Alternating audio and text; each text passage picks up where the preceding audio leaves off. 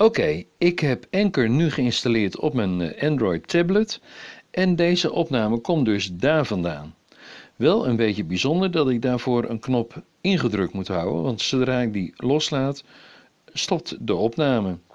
Daar zit een gedachte achter, want de Android-app is zo gemaakt dat wanneer je hem installeert op je smartphone, je kunt opnemen door de smartphone gewoon bij je hoofd te houden, bij je oor dan zal die automatisch in de record mode gaan. Maar met een tablet werkt het natuurlijk toch iets anders.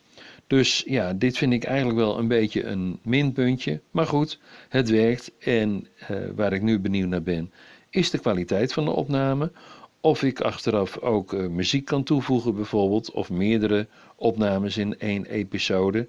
Ik ga dat allemaal ontdekken nu op de Android tablet met behulp van Anchor.